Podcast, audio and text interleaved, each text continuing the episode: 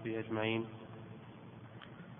آه، أشرنا في آه، حلقتي الأمس وقبل الأمس.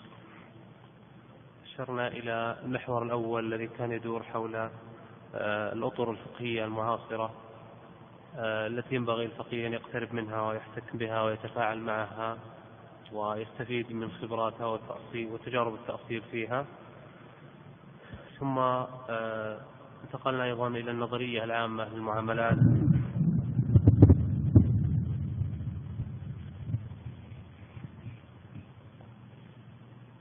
إلى النظرية العامة للمعاملات وهي آه، القواعد العامة التي تحكم نظرية الالتزام في الشريعة الإسلامية بما تتضمنه من آه، مفهوم الالتزام ومصادره كالشرع المحض والعقد والفعل الضار أو ما يسميه بعض الفقهاء المعاصرين مسؤولية تقصيرية والالتزامات التي تتحملها ذمة المكلف من السياسة الشرعية.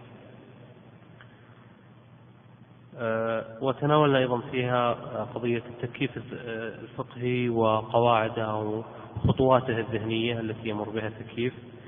ننتقل اليوم إلى آه، المبادئ الحاكمة للمعاملات. وأشرنا في بداية الدورة إلى قضية آه، أن المعاملات المعاصرة اليوم تدور حول مجموعة أو عدد من القواعد هي التي تحكم آه، وتسيطر على تفاصيلها. فمن استطاع أن يضبط هذه القواعد استطاع أن يساهم ويشارك مع علماء الفن في تخريج وتأصيل الفروع ومستجدات الفقهية المعاصرة. أما من اهتم بضبط الجزئيات والفروع المتناثرة ففي النهاية لا يتكون آه، من هذا الاهتمام وهذا الجهد. فقه وتذكر مرة أنني كنت أقرأ في كتاب بداية المجتهد لابن رشد وكان حريصا على استخلاص القواعد المنظمة للأبواب. كنت مرة أقرأ في كتاب الصرف. فلما دخل في الباب قال أن هناك مجموعة من القواعد التي تنظم هذا الباب وكذا.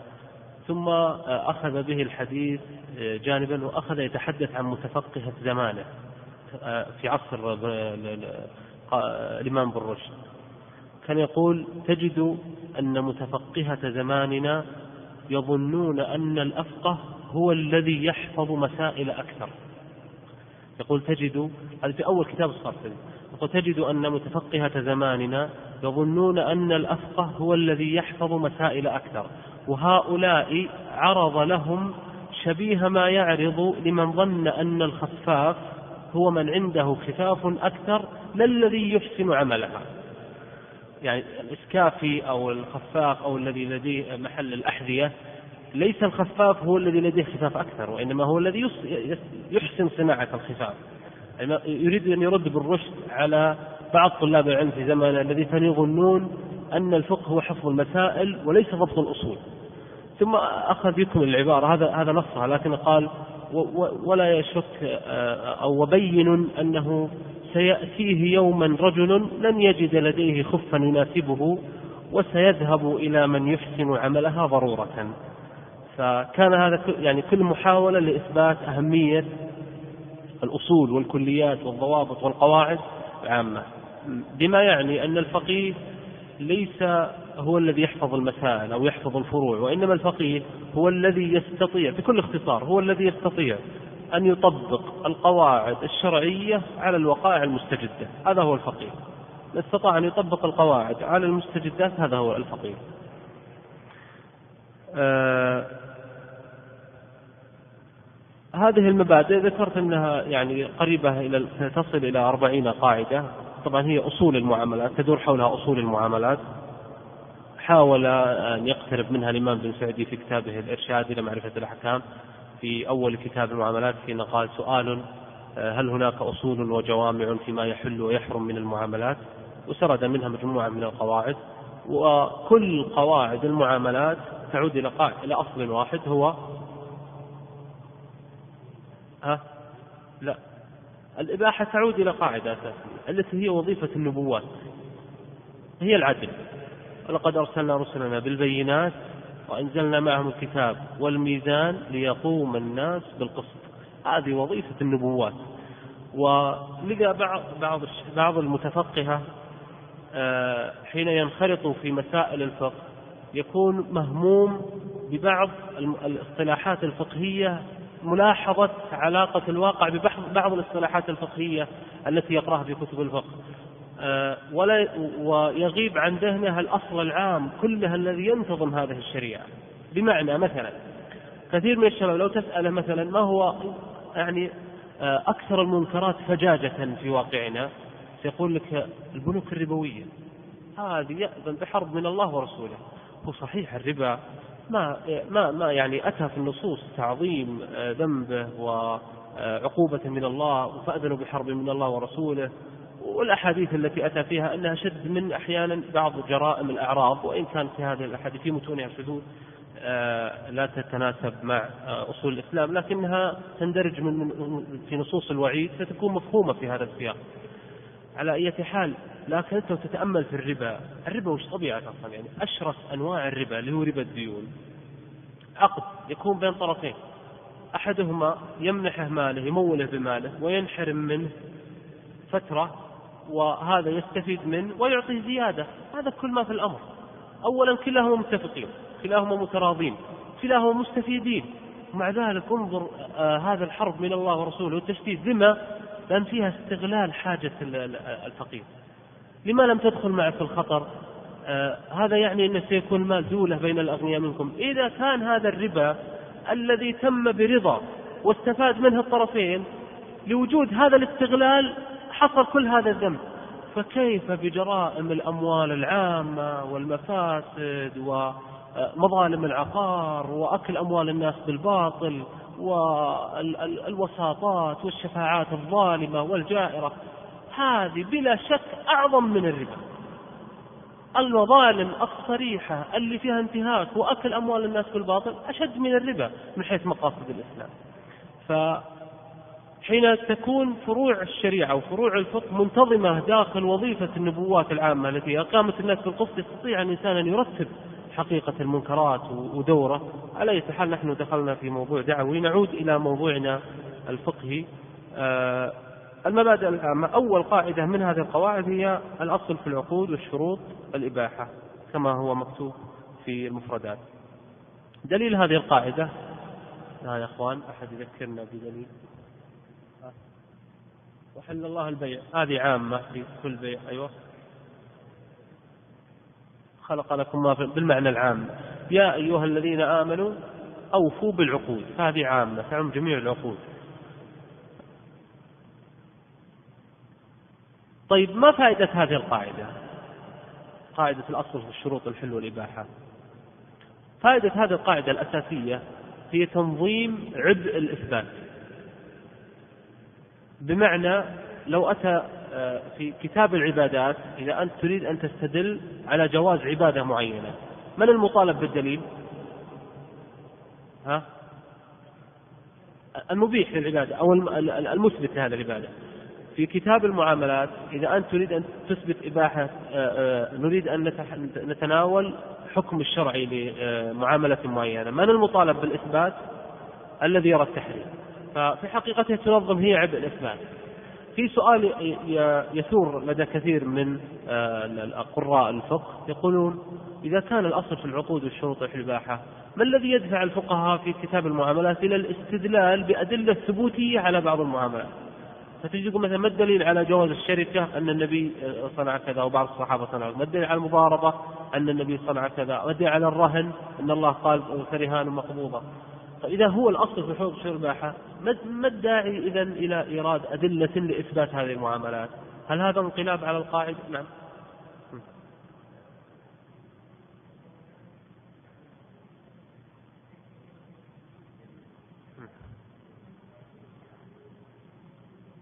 طيب هو ما أنفى ما نفى النفي هو أثبت الإثبات.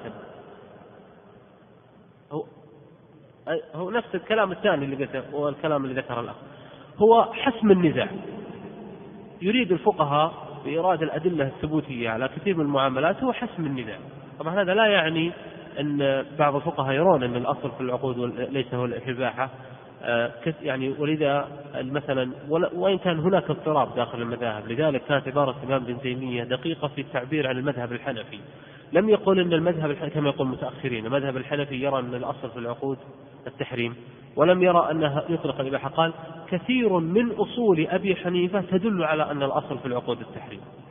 يعني كثير من المعاملات رأى في هذا وإلا حتى متقدم الحنفية صرحوا بهذه القاعدة. صرح بها السرخسي في المبسوط صرح بها الكاساني في بدائع الصنائع. فهذه القاعدة أيضا صحيح أن الذي طورها ونظمها ووسعها هو الإمام ابن تيمية لكن وجدت لها جذور صرح بها الفقهاء في يعني بشكل متقدم. آه، طيب نأتي بنماذج. مثلا ما الدليل على لو سأل سائل ما الدليل على جواز الشركة بالعروض؟ الشركة بالنقود واضحة في الشريعة شركة بأموال ها؟ وإن كثير من الخلطاء لا يبغي بعضهم على بعض. لكن ما الدليل على جوازها بالعروض بالأعيان؟ أيوة اللي هو الأصل في الإباحة ما نقول شو الدليل نقول من المطالب بالدليل؟ الذي يرى التحريم الذي يرى المنع نناقشه. ومثل الشرط الجزائي آه، من من الأمثلة التي حصل فيها خبط أيضا في في بعض المعاصرين أني أتذكر مرة كنت اناقش أحد أحد المتحمسين لفتوى تحريم الإيجار منتهي بالتمليك. فقلت له ما الدليل على تحريم الإيجار منتهي بالتمليك؟ قال آه، قال لي يعني بلغة بسيطة قال أتحداك تجد في كتب المذهب واحد يجيز الإيجار منتهي بالتمليك. طيب ما هو هذا أصلا؟ ما هو هذا طريقة التفكير في المعاملات؟ يعني أنا ماني مطالب إني أدور واحد في المذهب يجيز الإيجار منتهي بالتمليك ولكن عندي عقد انت طلع لي الآن ما هي موانع الإباحة فيه. ما هي أسباب التحريم في هذا العقد؟ وأنا أجيبك عليه. فهذه القاعدة يعني مهمة في تنظيم التفكير الفقهي. لا ينجرف التفكير ويعكس الواجب الأصولي. يعني تنظم أصول فقه المعاملات آه، القاعدة ولذا هذا هذا هذا يعني فيه إشارة إلى الإجابة على إشكال بعض الناس يقول درسنا أن الأصل في عقود الشروط يحل بس ما عمري شفت لها ولا تطبيق في كتب الفقه. كل ما جلغتهم يستدلون بأدلة ما يستدلون بهذه القاعدة. هو هذه القاعدة هذه هذه وظيفتها الأساسية لتنظيم عبء الإثبات. القاعدة التي تليها آه، هي مبدأ الرضا أو قاعدة الرضا. دليلها ها؟ نعم. قول الحق تبارك وتعالى إلا أن تكون تجارة أنت راض منكم. وما رد في روى ابن حبان أيضا النبي صلى الله عليه وسلم قال إنما البيع أن تراه بمعنى لو أن آه، مثلا آه، ظالما سلطانا ظالما عرف من عادته أنه إذا لم تبعه الأرض فإنه سيغتصبها منك وباعها أحدهم إلى هذا السلطان هل يصح البيع ولا ما يصح؟ ها؟ ما يصح. لأنه مكره. خالف قاعدة الربا طيب أيضا لو مثل بيع التلجئة وهو إظهاره لدفع ظالم ولا يراد باطلا. مثل لو باعها على إنسان آخر قوي فقط حتى يدفع عنه أيضا هذه من بيوع التلجئة. آه طيب. لو أن مثال آخر مثال ثالث أو مثال رابع لو أن آه، معسرا أو مماطلا رفض الوفاء بالدين. فأتى القاضي ونفذ على أحد ممتلكاته. ورفع الدعوى قائلا إن هذا البيع مكره أنا ما رضيت به. يصح ولا ما يصح؟ تصح دعواه ولا ما تصح دعواه؟ ليه؟ طيب ها.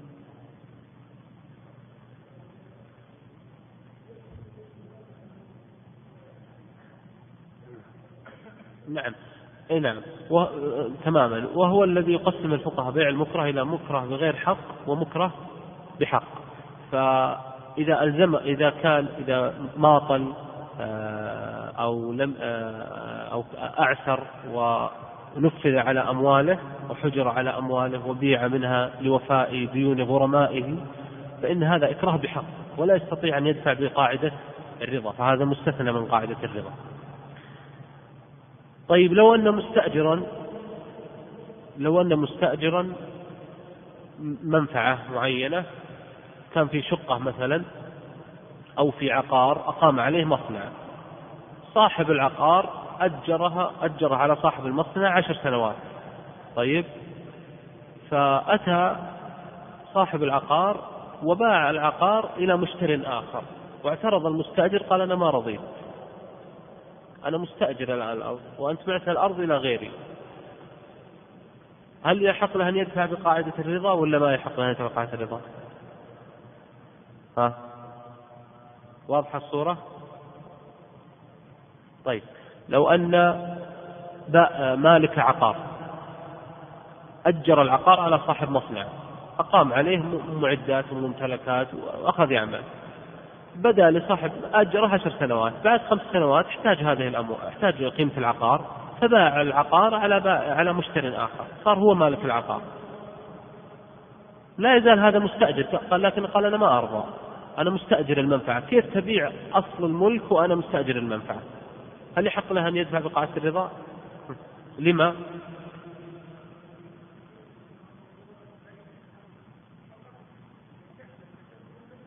نعم. لأن المحل المعقود عليه في عقد الإيجار هو المنفعة. والمحل المعقود عليه هنا إيش؟ الرقبة أو العين. وهو إنما يملك ماذا؟ المنفعة لا يملك العين. ولذا بعض الناس يدفع بقاعة الرضا يقول أنا ما رضيت. ما رضيت لصاحب للمؤجر أنه يبيع العين. كيف يبيعها؟ الصواب أن, ما أن آه لاختلاف المحل المعقود عليه لا يستطيع أن يدفع بقاعة الرضا لانفكاك الجهة. الجهة منفكة. المحل المعقود هنا غير المحل المعقود عليه. آه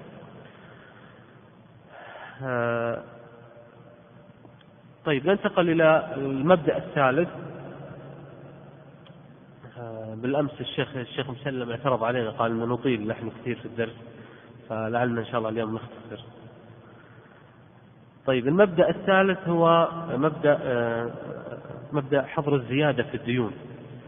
الربا في اللغة هو الزيادة وفي الاصطلاح هو نسأ في أشياء وزيادة وتفاضل في أشياء آه، مخصوصة بأشياء معينة آه، وفي اختلاف كثير أصلا في تعاريف الربا لكنها تنقسم التقسيم الدقيق للربا أنه ينقسم إلى قسمين ربا الديون وربا البيوع. وربا الديون ينقسم إلى قسمين إما ربا قروض وإما ربا زيادة لأجل الأجل. وربا البيوع ينقسم إلى قسمين ربا فضل وربا نسب. المشهور تقسيمه إلى فضل ونسب لكن هذا هو التقسيم الدقيق الذي ينظم مراتب التحريم. ربا الديون محرم تحريم مقاصد لا يباح إلا للضرورة. وربا البيوع محرم تحريم وسائل يباح للحاجة. لذلك مثلا النبي صلى الله عليه وسلم استثنى العرايا من المزابنة لأنها ليست محرمة تحريم وسائل. نعود إلى القسم الأول. القسم الأول هو ربا الديون. الديون أو القروض إما أن تكون مشترطة في أصل أصل القرض. يعني مثلا يأتي زيد يقرض عمرو يقول أقرضك إلى سنة. بعد السنة قرضت مئة بمئة وعشرة. هذه ربا إيش؟ ربا قروض. لأن الزيادة مشروطة في أول العقد. ربا الديون قد يكون في قيمة مبيع أو أو أجرة أو عمولة سمسرة أو إلى آخره مما يثبت فيه أو دين سلم أو كل ما. المقرض. وزدني انظرك أو أنظرني أزدك هذه يقولها المقترض. سندخل إن شاء الله في هذه القاعدة ربا القروض ربا الديون. سنتكلم عن كلا النوعين. طيب نبدأ بال... سنشير بعض التطبيقات ونشوف وش رأي الإخوان في هالمسألة. بالنسبة لهذه القاعدة اللي هي مبدأ منع زيادة الديون أو مبدأ ثبات الدين في الشريعة الإسلامية أن الدين ثابت لا يمكن الزيادة عليه لأجل الأجل. آه إذا قام المصرف بإصدار بطاقة ائتمان تخول العميل أو المستفيد أن يستفيد منها قرض. تمام؟ مقابل رسوم. رسوم على هذا القرض. حكم البطاقة هنا؟ إذا قام المصرف بإصدار بطاقة ائتمانية تخول العميل أن يسحب بسقف معين مقابل رسوم. هذا هذا المثال الآن الأول اللي سنشير إليه ما حكم هذا ما حكم هذه البطاقة؟ ها؟ ليه؟ إيه طيب ها جائز ليه؟ الرسوم من من؟ طيب مقابل القرض طيب مقابل القرض ولا هي؟ ها. من اللي مقرض الآن؟ من اللي مقرض؟ لا الآن البنك يقرض. والعميل يدفع. نعم. ها. أيوه. طب الأخ يقول إذا كانت الرسوم حقيقية تجوز. غير حقيقية ما تجوز. إيش رأيكم في الكلام؟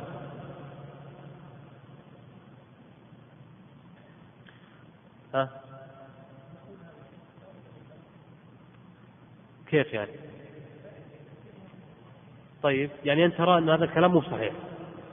لما؟ لأن هذه يستفيدها. وأن كل قرض جر نفع فهو ربا عامة هكذا ترى هو أز... نعم.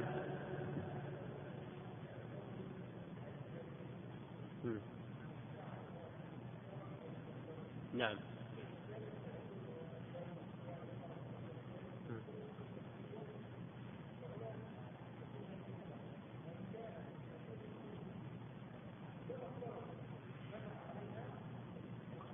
تمام تمام. ما شاء الله. كلام جميل.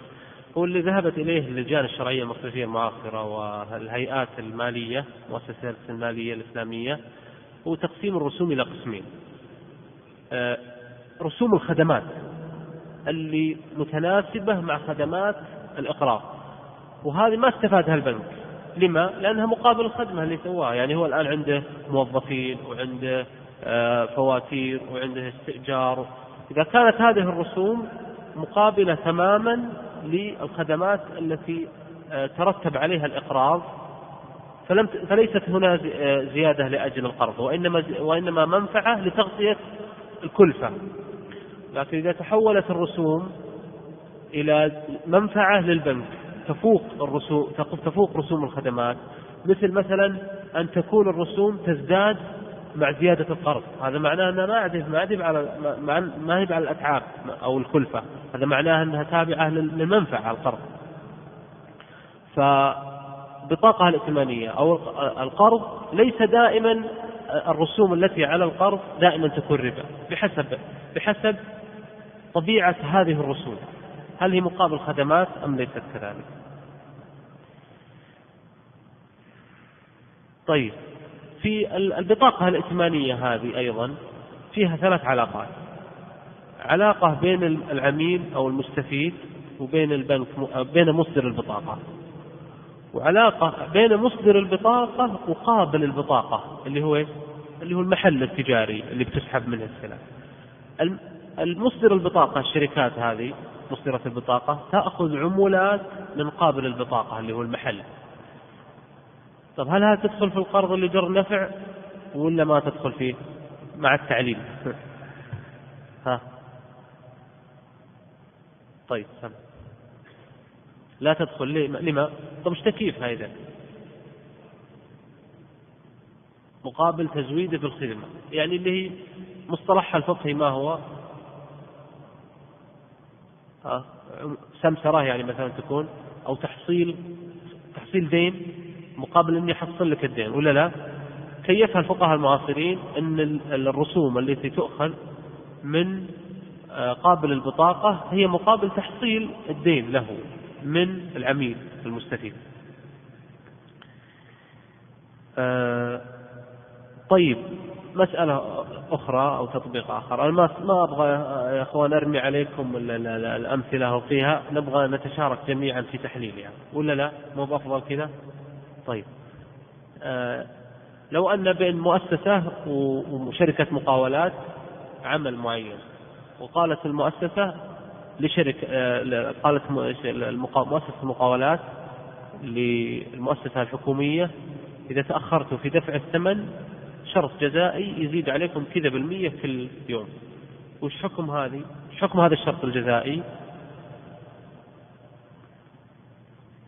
إذا تأخرت الشركة إذا تأخرت المؤسسة الحكومية عن دفع الثمن في أجله المحدد يزاد عليها بكل يوم نسبة معينة. ها؟ ربا ليه زيادة في وجه.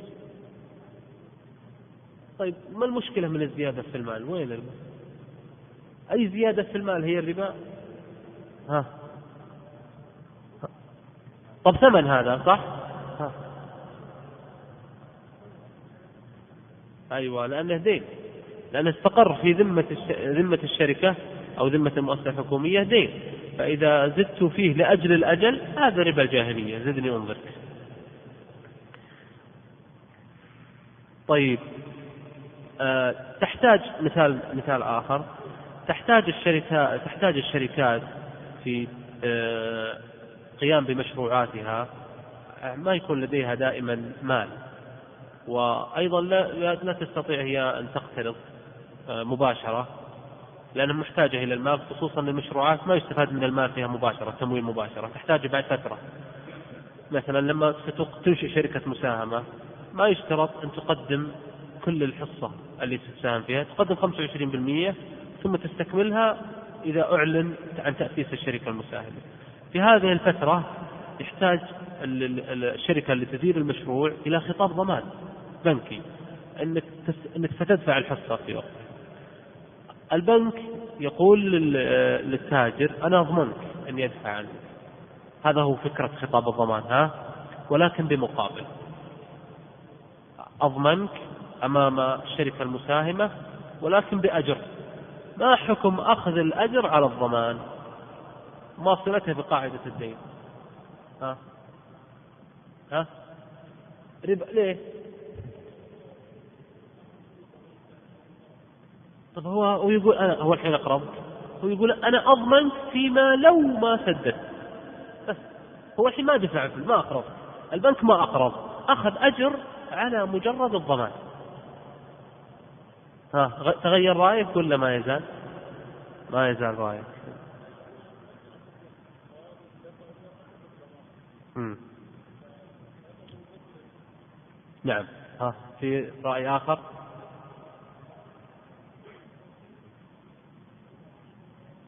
نعم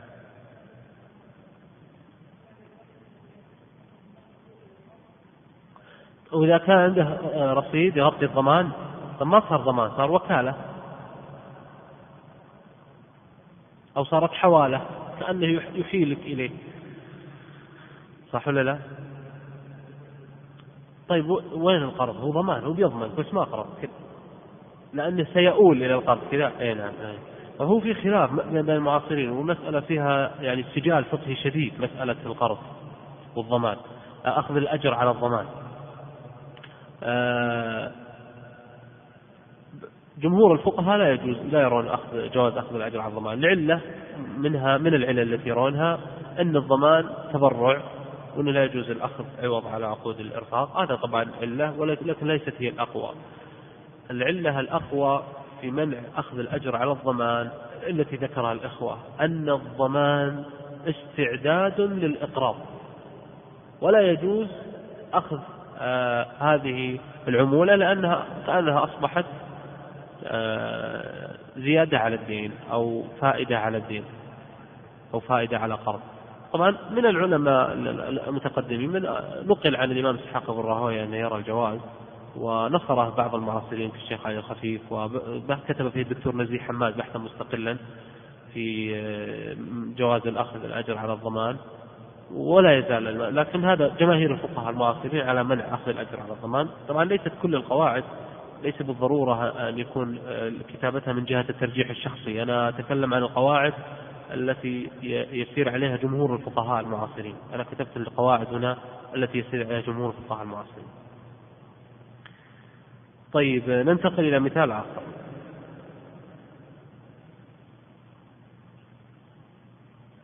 لو أن مضارب أخذ تمويل آه إنسان فكرة المضاربة هي أنه رجل لديه مال لا يحسن التجارة وتقليب الأمور والتجارة ورجل يحسنها ولكن ومضارب يحسنها ولكن ليس لديه مال.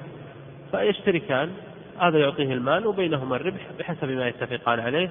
والخسارة تكون على قدر المال. آه، أعطاه أعطى المال للمضارب. والمضارب يبغى يرغب الممول إنه يعطيه الأموال. قال أعطني المال. إن ربحنا اقتسمناه بيننا. أعطني كم تعطيني بعطيك مليون ريال تتاجر فيها بأجهزة وتشتري وتبيع. إن ربحنا اقتسمناه بيننا ان ما رب إن خسرنا أنا أضمن لك المليون. دليلين الموجود تفضل. أيه. نعم. أحسنت هو هذا اللي ذكره الإخوة. الدليل الأول ضعوا وتعجلوا. الثاني أن الربا حقيقته الزيادة لأجل أجل وهذا عكس الربا في الحقيقة بالعكس في تيسير على على يعني في تقليل من الثمن اللي ممكن أن يدفعه. طيب لو كانت الحقيقة للتعجيل مشترطة في أصل العقد. قال ترانا مئة ألف إلى السنة القادمة لكن إن جبتها عقب ست شهور خمسين ألف. صارت في أصل العقد. ما هي بيوم جاء نص السنة؟ قال بدفع تفرق ولا ما تفرق؟ آه هذه هذه لها دخل في اللي قلناها في التركيب صح أثر التركيب أحيانا التركيب له أثر ها؟ هذه بيعتين في بيعة. ليه؟ وين البيعتين؟ وش البيعتين؟ واصل ترى تحول الدعوة. أيوه.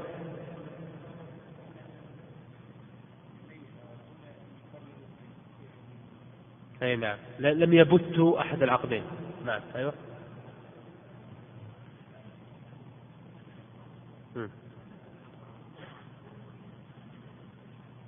لا ترى مشكلة إذا كان في نفس العقد. طيب. طبعا كلها اتجاهات بسيطة بس. آه إذا هو في نفس العقد في نفس العقد قال إن أتيتها السنة هي هي لك بمئة ألف إلى السنة القادمة. إن أتيتها بعد خمسين ألف بعد ستة أشهر فهي بخمسين ألف. صارت الحقيقة للتعجيل أو ضع وتعدل مشترطة في أصل العقد. في حقيقة العقد الآن اللي استقر في ذمة المدين الأصل الثابت. هو المئة ألف ولا الخمسين ألف؟ لا. اللي مستقر الآن الحد الأدنى من المستقر في ذمته هو هو الخمسين ألف.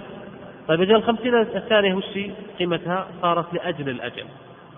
فإذا اشترطت في أصل العقد أصبح استقر في ذمته القيمة الأدنى وأصبحت الزيادة لأجل الأجل. ولذلك كثير ما تصير هذه حيلة. في الزيادة تصنع شرطا كأنها حقيقة للتعجيل وهي في حقيقتها حيلة على الزيادة. فإذا كانت مشروطة في أصل عقد لا تجوز. هذا أفتت به اللجان الشرعية فيه ولذلك آه، تبطل هذه آه، الشروط إذا كانت في بعض العقود عقود المرابحة. هذه كثير ما أحيانا توجد في عقود المرابحة لدى بعض المصارف.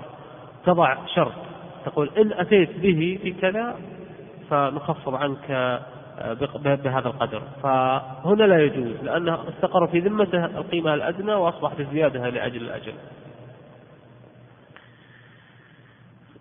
التي سم. سم؟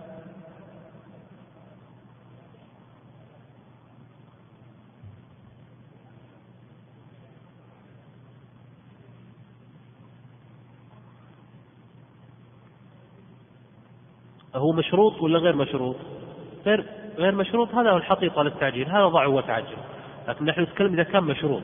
اللي مثل أن يقول يوضع بنود في عقود المرابحة الأمر بالشراء اللي هي السداد المبكر. إذا سددت قبل الأجل. إذا صار فيه التزام ف وقعنا هنا في مشكلة آه، الزيادة لأجل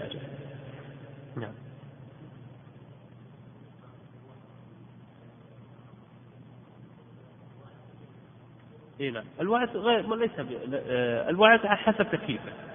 إن إن رأيت إن الوعد ملزم آل إلى نعم. طبعا هو هو الفقهاء المجمع الفقهي يرى أن الوعد ملزم يعني الذي وصل إليه أن الوعد ملزم إذا دخل الموعود في كلفه ولكن أنا شخصيا لا لي رأي شخصي في الوعد يعني لأنه الواحد إذا أصبح ملزم أدخل أدخل المكلفين في شبهات في عقودهم لأنه حولها إلى عقود. ما الفائدة أن نقول وعد وهو ملزم. طيب الشيخ الشيخ مسلم الشيخ طيب أجل نمشي كذا سريعا على بعض التطبيقات. والله يا شيخ حرام عليك. ما مشينا إلا في ثلاث قواعد يا أخي. ها.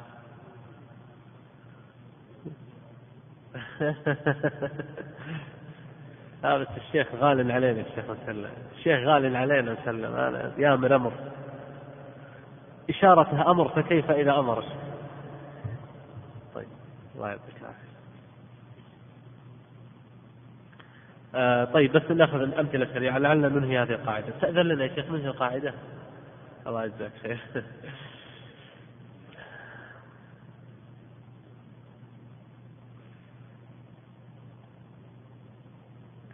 طيب آه لو أن مستأجر استأجر وحدات سكنية.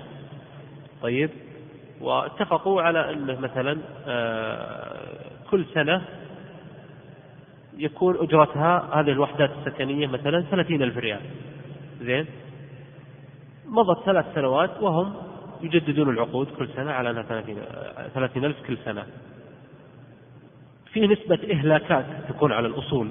إذا تقل تقل الأجرة بعد ما مضت ثلاث سنوات آخر سنة هو ما سدد. تمام؟ آه رغبوا في تعديل أجور الفت... الإيجارات. قال له في الأجور اللي مضت زدها مقابل أنها تؤجل والأجور القادمة المستقبلية أيضا زدها مقابل أني ما أسدد في رأس السنة. أسدد كل ستة أشهر. يعني مثلا الآن نحن في السنة الثالثة. علي, علي ثلاثين ألف من السنة القادمة. اللي مضت. أني ما أسدد على رأس السنة أتأخر. يحق لي أني أتأخر ست شهور لأجل في اللي مضت والقادمة. وش الحكم؟ ها؟ أيوة. اللي مضت لا تجوز لأنها ربا. دين. طيب. أي نعم. تعديل أجور الفترات المستقبلية لا بأس به لأنها ليست دين. لكن تعديل أجور الفترات الماضية إذا ترتب عليها الزيادة لأجل الأجل فإنها دين. هذه أحيانا تقع في آه، آه، عقود التمويل العقاري. طيب في قلنا في السلع قلنا في الثمن آه، إنه لا يجوز أخذ الشرط الجزائي على الثمن. لكن الأعمال يجوز أخذ الشرط الجزائي عليها. يعني مثلا لو أن شركة المقاولات تأخرت في تسليم المبنى يجوز أخذ الشرط الجزائي عليها. كذا ولا لا؟ نضع شرط جزائي عليها في تسليم المبنى مو تسليم الثمن لأن الثمن دين بس المبنى غير. لكن السلم لو قلنا تسليم السلم أنت ستسلم لنا ستين صاع بر السنة القادمة إذا ما سلمتها في رأس السنة كل شهر تأخير نحسب عليك زيادة. أو نحسب عليك إنقاص من الثمن ترجع لنا شيء من الثمن. شو الحكم هنا؟ في هذا الشرط الجزائي على المسلم فيه. لا الفقهاء نعم. أي نعم الفقهاء يرون أن الموصوف في الذمة دين.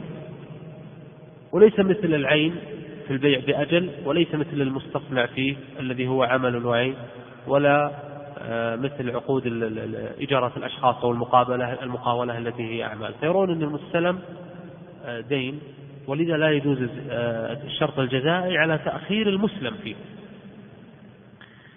وهذه توجد في عقود التمويل المصرفي.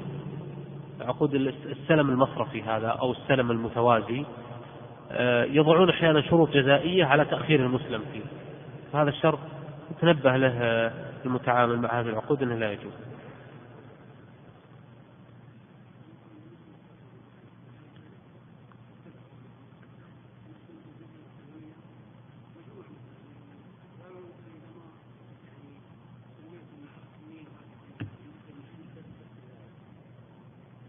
نعم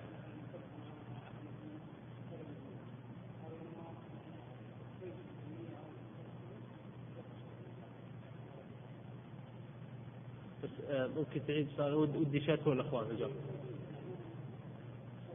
شركة. طيب.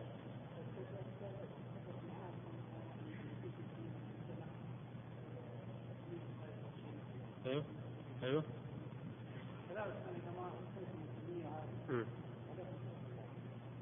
شو رأيكم أخوان؟ يقول إن هناك شركة تتعاقد مع مؤسسة فلنقل جهة حكومية تتعاقد مع شركة دار نشر مثلا دار نشر. انها آه، تقدم لها مثلا مطبوعات معينة بكمية معينة، إما وفرت هذه المطبوعات عليها شرط جزائي. شو الحكم؟ ها إذا كان سلم لا يجوز وإذا مم. مم. نعم ها طب أول شيء العقد هذا وشو؟ طبيعته؟ توريد هذا عقد توريد. هو فيه خل... خل... خلينا نعود أولا إلى تأصيل بعض الأصول المؤثرة على هذه القضية. آه هناك فرق بين هام وجوهري مؤثر في آه، قضيتين أساسيتين بين الاستصناع والسلم والبيع آه، بأجل أو التقسيط وإجارة الأشخاص أو المقاولة والإجارة إجارة الأعيان. إجارة آه، الاستصناع يجوز فيه تأجيل الثمن والمثمن ويجوز فيه أخذ الشرط الجزائي على تأخير المستثنى فيه. السلم لا يجوز فيه تأجيل الثمن المثمن يجب تقديم الثمن تأجيل المثمن ولا يجوز أخذ أخذ أخذ آه، الشرط الجزائي على تأخير المسلم فيه. ما هو الداعي لهذا الفرق؟ لماذا فرق الفقهاء بين الاستثناء والسلم برغم أنه كلاهما عقد على موصوف في الذمة الاستثناء موصوف في الذمة أيضا. أنا لا جيت قلت لك ابيك تصنع لي آه، مثلا اللي ورد في الحديث خاتم أو ابيك تصنع لي ثيابا معينة أو نحوه. أيضا هذا موصوف في الذمة. والسلم أصله هو جوهر هو عقد على موصوف في الذمة. لماذا أجاز الفقهاء الحنفية والفقهاء المعاصرين بإطباق على جواز تأجيل الثمن والمثمن في الاستثناء ومنعه في السلم وجواز أخذ الشرط الجزائي على تأخير المستثنى فيه ومنعه في السلم. ما الداعي إلى هذا التفريق؟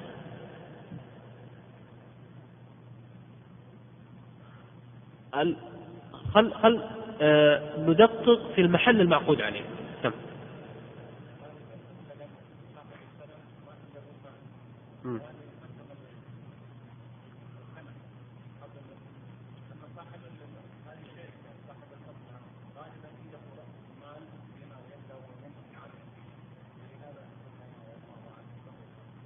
طيب خلينا ندقق في المحل المعقود.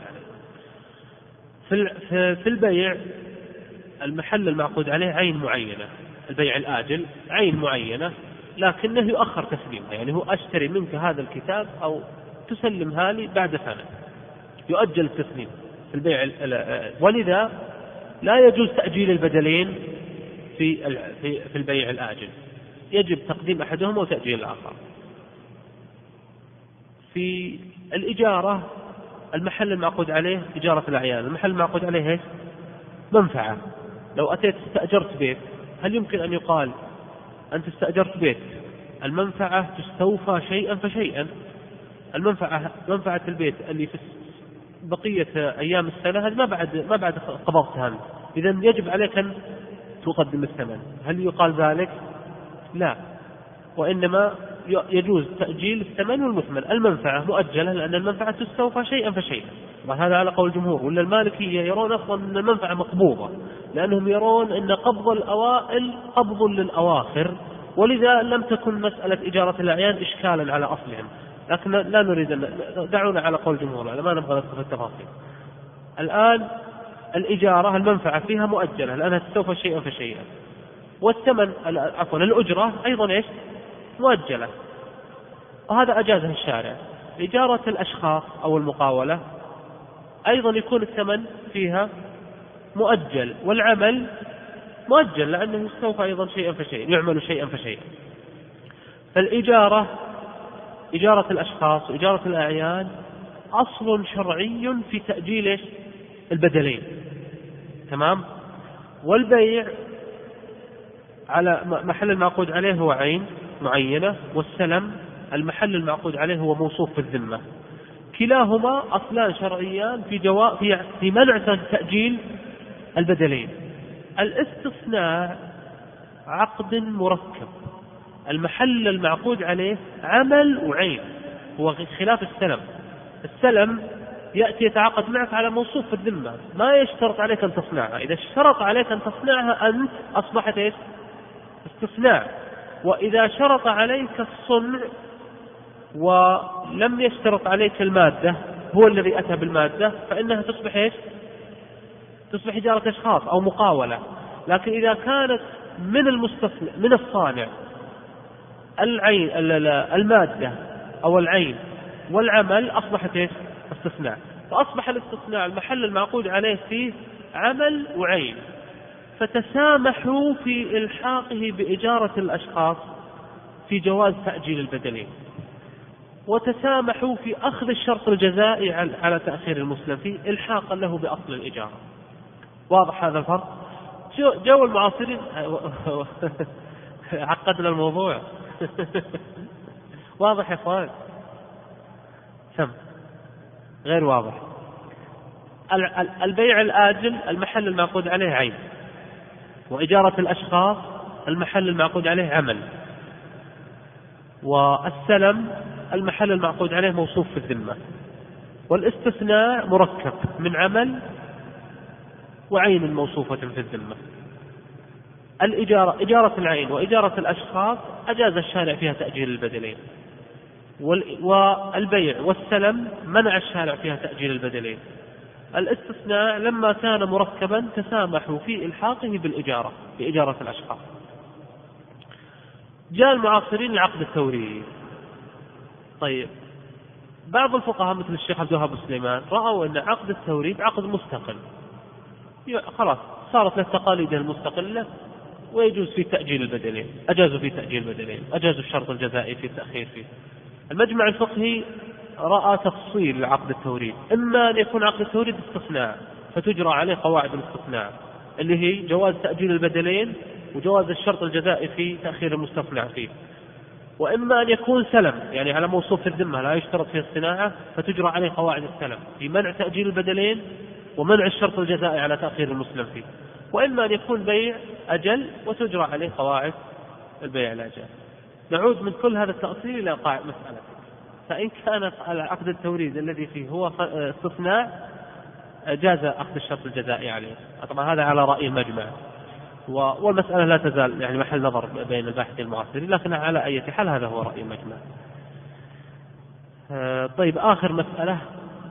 إذا قلنا آخر هذه مسألة فيها إيحاء أن ترانا حول حول النهاية. يعني.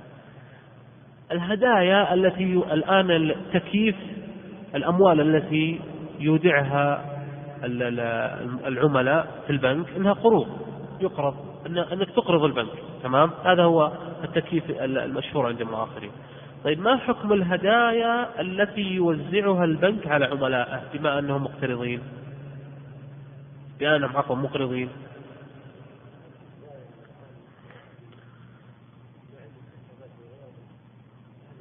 نعم.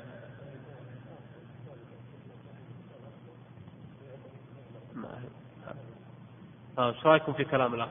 يقول الشيخ في تفصيل بين عموم الهدايا وخصوصها لأصحاب الحسابات. أيوه.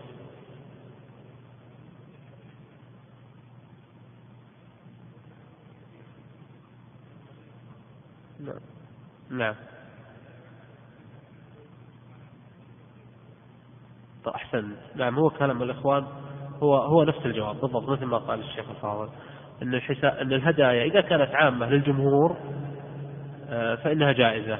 إذا كانت خاصة بأصحاب الحسابات الجارية وخصوصا مرتبطة بقيمة آه، الحساب الجاري فإنها آه، زيادة لأجل القرض زيادة لأجل القرض. طيب لو قال قائل يا أخي هي اسمها هدية. والهدية مستحبة. شلون تحرم يعني عقد مستحب؟ آه. شو الجواب؟ أيوة. هل ليست العبرة بالمسمى فعلا؟ ولا العبرة بالمسمى؟ ها. طيب. هو المعنى صحيح بس التعبير بالضبط مثل ما قال شيخ العبرة بالحقائق وجواهر الأشياء وليس بأسمائها هو المسمى هو هو الجوهر. الاسم والمسمى المسمى هو جوهر الشيء